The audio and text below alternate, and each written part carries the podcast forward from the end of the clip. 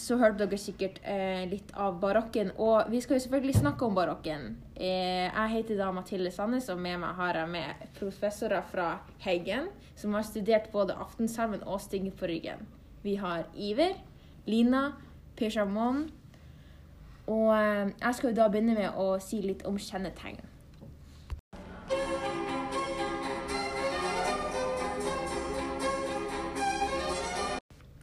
Så kjennetegn på barokken er jo da at den er overdreven og dramatisk. Den er jo da full av detaljer fordi kunstnerne på den tida var opptatt av å vise ferdighetene sine med å proppe spesielt diktene full av språklige virkemidler. Altså med metaforer, faste rim og rytmer, eh, overdrivelser med kontraster. Og det er jo da bare de viktigste språkmidlene som blir brukt i barokken. Kontraster sånn, sånn, for, eh, sånn av jord og himmel, liv og død, Himmel og helvete er jo da eh, prega av eh, sterke dødsbevisstheten i barokken. Altså momentum året som vi skal snakke litt mer om nærmere. Så, etter reformasjonen ble jo da latin avløst av det danske eh, kirkespråket i Danmark-Norge. Altså, vi var jo en del av det.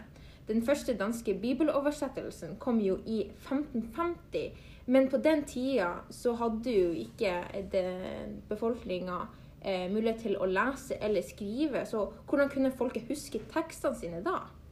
Salmene er den klart dominerende sjangeren i barokken. Det, hang, det, henger sammen med at kirken utvikler en strengere syn på troen. Mm, det var ikke noe tro én måte, og så har den rette tro. Dermed blir forkynnelse enda viktigere enn før. Siden mange ikke kan lese og skrive, må tekstene være sangbare og lette å huske. Så i barokken var det jo to retninger for salmer. Vi hadde den eh, ortodoksien og penitensen. Penitensen er jo en retning innenfor kristendommen som bl.a. aftensalmen er en del av. Um, retninga handler mer om eh, hvordan den blir skrevet. Altså fokuset lå på arvesynd og at man skal be for tilgivelse. Dere har jo studert Aftensalmen, der er jo en rekke språklige virkemidler som blir brukt. Jeg i farta leste jo at tiden sakte lister seg, eh, glasset renner hastelig, fra eh, andre strofen. Det er jo både en kontrast med sakte og hastelig og en beseiling med at glasset har fått menneskelige egenskaper. Er det flere virkemidler bare fra Aftensalmen? Fra stoffer fem at du som Adams barn velger deg i syn.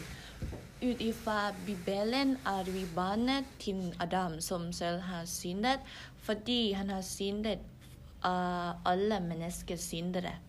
Ja, og dette er jo grunnen til at mennesket må be om nåde til Gud og gi bot for at Gud skal velsigne menneskene. Og det sies jo faktisk i syvende strofe, hvor det nevnes 'be om nåde og gjør bot'.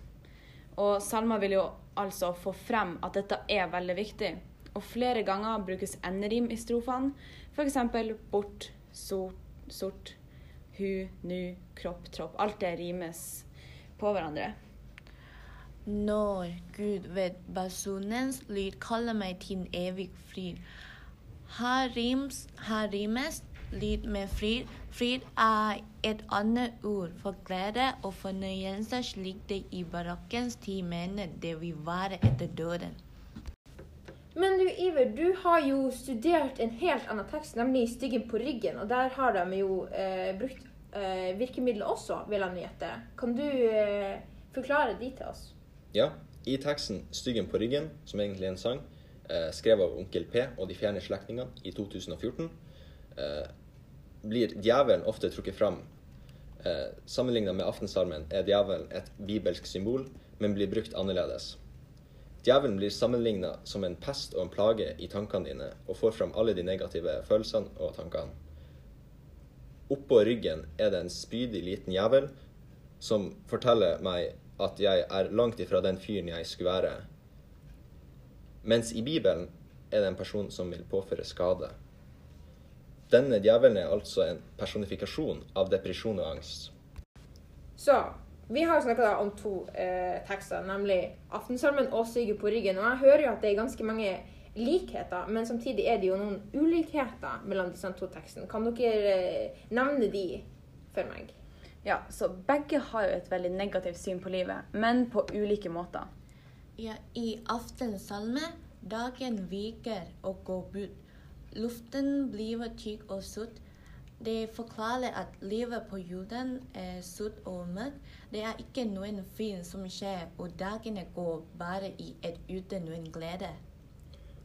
Også i styggen på ryggen kommer det fram eh, syn på livet. Oppå skulderen min og sier at jeg kommer ingen vei her i livet. Livet har også her eh, en sammenligning som noe veldig trist og depressivt. Og du kommer ingen vei her, i livet, som onkel P synger. Og i aftensalmen så sier de også at du som Adams barn velter deg i synd. Og i tillegg, tillegg nevner hun Satan for å vise hvor viktig det er å ikke bli skada av Satans kropp. Og i styggen på ryggen så er jo eh, styggen på ryggen en annen symbol for djevelen som er på ryggen din. Som dere sier, så er jo da eh, Begge disse tekstene har jo et negativt syn på livet. Men hvordan eh, kommer dette frem i teksten? Altså, hvordan eh, syn på døden og livet kommer frem her? Som vi har sagt tidligere, så har jo begge et veldig negativt syn på livet, men på ulike måter. Så vi ser jo hvordan livet var i barokken ved hjelp av å lese aftensalmen av hun Dorothe. Hun har jo et veldig negativt syn på livet sitt, ser vi i salmen. Uh, hun sier at det endelige målet er himmelen, så døden ses på noe positivt. fordi da får hun endelig frelse fra det triste og mørke i livet sitt. Hun skriver jo i salmen 'Når Gud kaller meg til evig fryd'. Hun gleder seg altså til å kunne komme til himmelen. Ja, livet som er en klokke som tikker imot døden, men du skal ikke dø før du har gjort bort for deg selv og via deg til Gud. I barokken var det altså veldig guddommelig å rette seg mot Gud i vanskelige tider. I tillegg for å få flense. Salmen er et good eksempel på dette, hvordan synet på oss mennesker var. Vi var rett og slett syndere. I styggen på ryggen blir livet sett på som noe urettferdig og mørkt, eh, og det sammenlignes ofte som helvete. Eh, døden blir sett på som den eneste utveien for å slippe å fortsette med å gå gjennom livet og smerten som følger. Burde titte ned i løpet på geværet. Kommer ingen vei her i livet. Styggen på ryggen kommer fram i teksten som djevelen på skuldra som står bak eh, alt det som er galt og ille med livet. Og i motsetning til aftensalmen blir det ikke sett, satt like stort fokus på det guddommelige og hva som kommer etter døden, men bare at livet er forferdelig og døden vil være en frelse. Tudelu!